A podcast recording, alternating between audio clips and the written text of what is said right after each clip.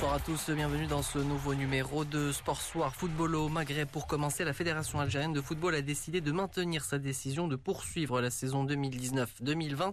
Les membres de l'instance fédérale estiment qu'une reprise est possible une fois que les pouvoirs publics et les autorités sanitaires auront donné leur feu vert pour la reprise des activités sportives.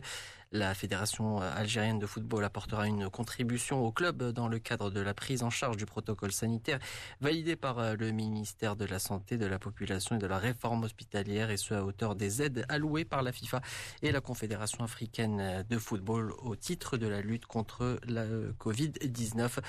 Pour rappel, plusieurs clubs évoluant en première et deuxième division ont exprimé leur refus de reprendre la compétition à cause des problèmes financiers. Football en Tunisie, à présent, les dirigeants du club africain ont finalement réussi à convaincre Bilal Fifi de terminer la saison actuelle avec l'équipe malgré la fin de son contrat.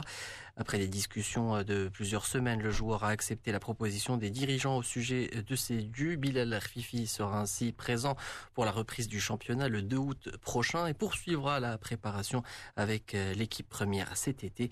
Et puis concernant le trio Fakhreddin Jaziri, Zemzmi et Yassine Chamari, aucune avancée notable n'a été enregistrée et les trois joueurs ont préféré quitter le stage du club africain. Le football en Europe à présent et d'abord en Espagne où la 33e journée de Liga se poursuit aujourd'hui. En ce moment, le Deportivo Alaves est opposé à Grenade alors que le FC Valence affronte l'Athletic Bilbao et puis à partir de 21h, le Betis Séville reçoit Villarreal au moment où Valladolid accueille Levante, une journée où le leader, le Real Madrid, ne joue que demain face à Retafe. Les merengues ont l'opportunité de prendre 4 points d'avance sur le FC Barcelone tenu en échec par l'Atlético de Madrid hier. Le Real a d'ailleurs dévoilé aujourd'hui le groupe convoqué par Zinedine Zidane pour ce match.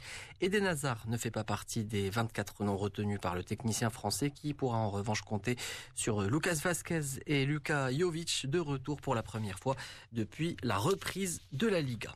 Du côté de l'Italie, en ce moment, l'Inter Milan est opposé à Brescia pour le compte de la 29e journée de Serie A. Les Nerazzurri tenteront de consolider leur troisième place au classement général. Derrière, le Milan AC sera sur la pelouse de Spal. La Fiorentina de Franck Ribéry reçoit Sassuolo et le Hellas Vérone reçoit Parme. Un classement toujours dominé par la Juventus de Turin, victorieuse hier par 3 buts à 1 contre le Genova.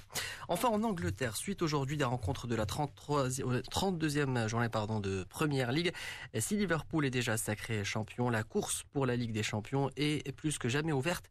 Ce soir, Chelsea et Leicester City sont appelés à conserver leur place dans le Big Four.